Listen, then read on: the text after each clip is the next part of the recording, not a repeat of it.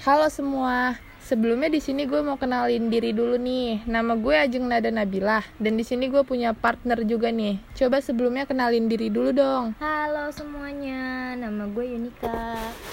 Hai Yunika, gue mau nanya dulu nih sebelumnya sama lo. Lo tahu nggak kenapa dan buat apa lo gue undang duduk bareng di sini sama gue? Hmm, yang gue tahu sih kita mau membahas-bahas berita yang lagi rame-rame dibicarain warga ibu kota akhir-akhir ini, bukan? Ya, bener banget nih. Jadi sekarang kita akan membahas tentang usia kendaraan yang akan dibatasi oleh pemerintah Yun. Kira-kira lo tau gak sih apa yang dimaksud usia kendaraan yang akan dibatasi itu? Maksudnya itu kayak seperti kendaraan-kendaraan tua, ya misalnya kayak kendaraan umum yang fisiknya udah rusak, kayak berkarat atau penyok gitu di bagian badan-badan si kendara itu sendiri. Terus juga mesinnya udah nggak bagus dan nggak terawat menurut gue sih itu ya. Nah, bener banget Yun. Jadi kan pemerintah dan Kemenhub akan membatasi usia kendaraan yang kategorinya sama kayak barusan lu bilang. Menurut pemerintah, dengan dibatasinya usia kendaraan, nantinya pemerintah berharap lalu lintas di kota-kota besar akan lancar atau longgar karena kan kendaraan-kendaraannya akan otomatis sedikit berkurang. Betul, gue setuju banget nih sama upaya pemerintah membatasi usia kendaraan ini. Apalagi kan sekarang masih banyak banget nih kendaraan umum yang menurut gue udah nggak layak pakai banget.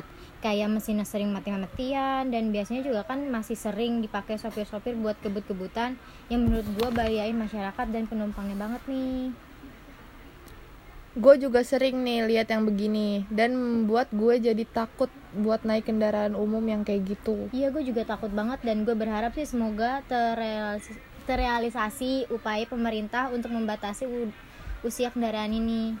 Nah, lo barusan ngomong semoga cepet terrealisasi ya kan?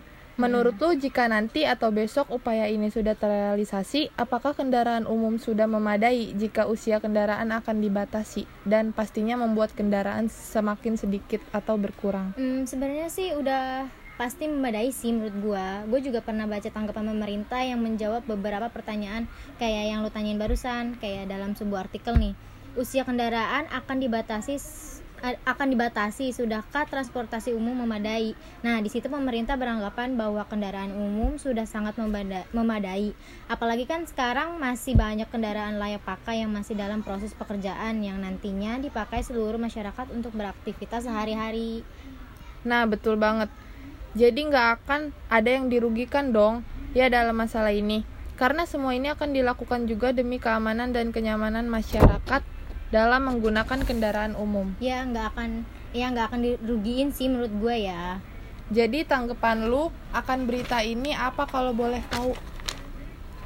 Sangat setuju dan mendukung sekali pemerintah dalam menanggulangi masalah masalah kemacetan dan ke kesemrautan kota-kota besar dengan membatasi usia kendaraan yang sudah tua dan tidak layak pakai demi keamanan dan kenyamanan serta membuat lalu lintas di kota-kota besar menjadi lancar.